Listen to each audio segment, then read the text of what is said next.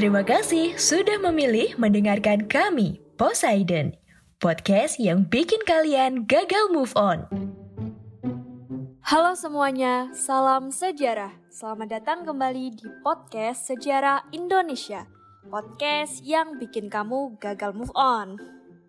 Kembali lagi bersama aku, Nisa Fazalina, dan hari ini kita masih membahas tentang pecahnya negara Cekoslowakia. Nah, minggu lalu kan kita udah bahas nih sejarah bangsa Ceko dan Slovakia yang mana mereka pertama kali disatukan oleh Kekaisaran Franken, kemudian tercerai berai lalu berkembang membentuk identitasnya masing-masing dengan identitas yang berbeda dan pada saat itu bersatu kembali di bawah kekuasaan Austria-Hungaria hingga akhirnya dalam cengkraman Partai Komunis Cekoslowakia atau PKC. Dan kali ini kita akan membahas pasca PKC atau Partai Komunis Cekoslowakia runtuh dan kedua negara itu benar-benar memutuskan untuk berpisah hingga saat ini. Oke, mari kita lanjutkan peristiwa pecahnya negara Cekoslowakia. Usai rezim komunis diruntuhkan, konflik yang sebelumnya terpendam mulai muncul kembali. Konflik tersebut menyangkut stabilitas politik dan potensi gesekan aspirasi serta kepentingan antar dua bangsa yakni Ceko dan Slovakia. Hal itulah yang menjadi salah satu tantangan utama selain masalah ekonomi yang dihadapi oleh Presiden baru Václav Havel, presiden non-komunis sekaligus pejuang hak asasi manusia yang diangkat menjadi presiden pada 29 Desember 1989. Kesenjangan ekonomi semakin memperarah gesekan yang muncul. Pada 1991, GDP atau Gross Domestic Product atau produk domestik bruto, Republik Ceko 20% lebih tinggi daripada Republik Slovakia. Pada Januari 1991, transfer payment atau semacam subsidi dan sumbangan sosial ke Slovakia yang biasanya diberikan oleh Ceko pada tahun-tahun sebelumnya dihentikan. Pada saat yang sama, beberapa tokoh terkemuka Slovakia menginginkan persatuan yang lebih longgar, sementara Partai Nasional Slovakia menghendaki kemerdekaan dan kedaulatan yang penuh.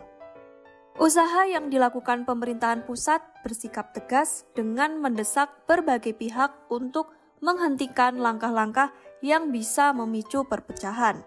Namun, bangsa Slovakia tetap menginginkan reformasi total. Salah satunya adalah desentralisasi. Menjelang pertengahan 1992, perwakilan Ceko Václav Klaus dan perwakilan Slovakia Vladimir Mesiar berunding untuk menentukan jalan keluar terbaik. Opsinya adalah federasi yang lebih ketat atau kekuasaan terbesar diserahkan kepada negara bagian, atau membentuk dua negara merdeka sempat muncul ide konfederasi dari Vladimir Mesiar dan para tokoh Slovakia lainnya. Pada Juli 1992, Parlemen Slovakia mendeklarasikan kemerdekaan bangsa Slovakia. Enam hari kemudian, Klaus dan Mesiar menandatangani pembubaran Cekoslowakia dalam sebuah pertemuan di Bratislava, ibu kota Slovakia. Akibat dari kekecewaan atas kesepakatan itu, Presiden Václav Havel mengundurkan diri. Setelah itu, diadakan serangkaian perundingan agar perpecahan itu berjalan dengan damai. Pada November 1992, Majelis Federal mengesahkan Undang-Undang Nomor 541 tentang pembagian properti antara Ceko dan Slovakia. Pada 25 Desember 1992, Cekoslowakia resmi dibubarkan. Pembubaran itu berjalan damai tanpa kekerasan.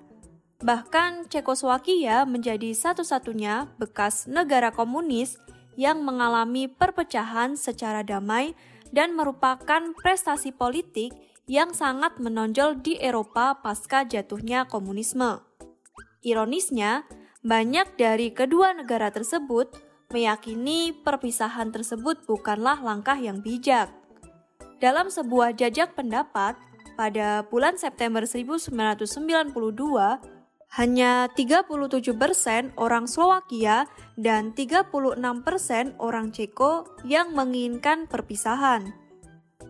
Secara umum, penyebab timbulnya perpecahan di Cekoslowakia adalah sebagai berikut. Yang pertama, faktor internal. Faktor internal meliputi perbedaan latar belakang sejarah. Sejak awal latar belakang sejarah bangsa Ceko dan bangsa Slowakia memang berbeda. Sekalipun memiliki leluhur yang sama, mereka tumbuh dan berkembang dalam kultur yang berbeda. Dengan demikian, masing-masing membentuk dan mengembangkan identitasnya sendiri. Persatuan tidak pernah menjadi cita-cita atau aspirasi mereka sejak semula.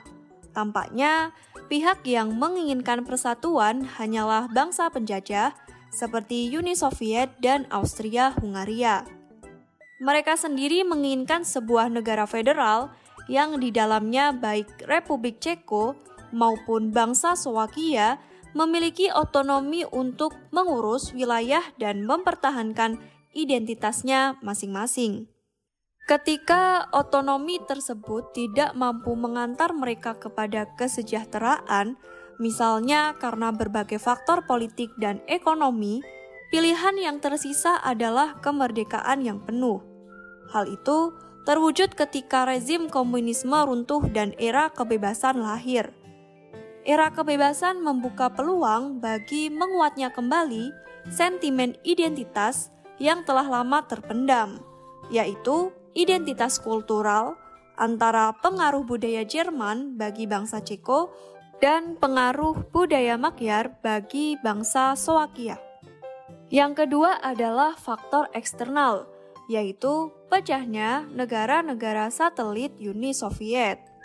Runtuhnya rezim komunisme di Cekoslowakia berarti dimulainya era kebebasan, baik di bidang ekonomi maupun politik.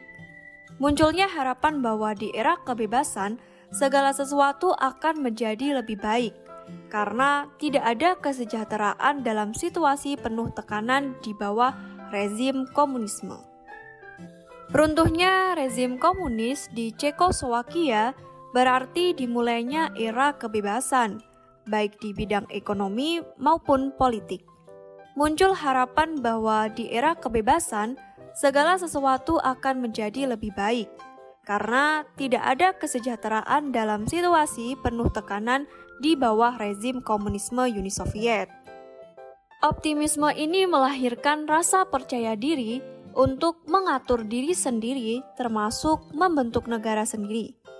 Keyakinan itu didapat setelah mereka saksikan secara nyata di Amerika Serikat dan di belahan Eropa lainnya yang berkembang pesat dalam berbagai bidang karena ditopang oleh sendi utama, yaitu kebebasan. Hal itu yang mendorong Ceko dan Slovakia untuk berpisah secara damai. Adapun faktor khusus kenapa akhirnya negara Cekoslowakia ini memutuskan untuk berpisah. Slovakia merasa sebagai anak tiri dalam negara Cekoslowakia. Dua entitas Ceko dan Slovakia memang berasal dari leluhur yang sama, tetapi mereka memiliki nasib yang berbeda. Sejak berada di bawah kekuasaan Borifoj Premislovak, Praha, ibu kota kerajaan Bohemia, tumbuh sebagai kota yang maju. Hal ini sebaliknya dialami Bratislava, ibu kota Slovakia. Sejak bersatu dalam negara federal Cekoslowakia, negara bagian Ceko secara reguler memberi tunjangan sosial dan subsidi yang disebut transfer payment ke negara bagian Slovakia. Dan Praha menjadi pusat kemajuan, artinya kesenjangan ekonomi antar dua entitas tersebut begitu terasa. Tanpa disadari, hal ini menimbulkan kecemburuan yang pada gilirannya ikut membentuk tekad bangsa Slovakia untuk membentuk negara sendiri. Nah, Lalu bagaimana hubungan bilateral Ceko dan Slovakia setelah berpisah? Pasca pemisahan Cekoslowakia menjadi Republik Ceko dan Slovakia, hubungan antara kedua negara terbilang cukup baik. Hingga saat ini dapat dilihat dari kesepakatan-kesepakatan yang muncul untuk mempermudah penduduknya dalam memperoleh kewarganegaraan. Demikian penjelasan tentang perpecahan Cekoslowakia. Nah, jika kalian tertarik pembahasan tentang sejarah dunia, kalian boleh nih request pembahasan tentang sejarah atau konflik-konflik di dunia via DM di Instagram kami at podcast underscore sejarah Indonesia. Dan jangan lupa di follow juga ya.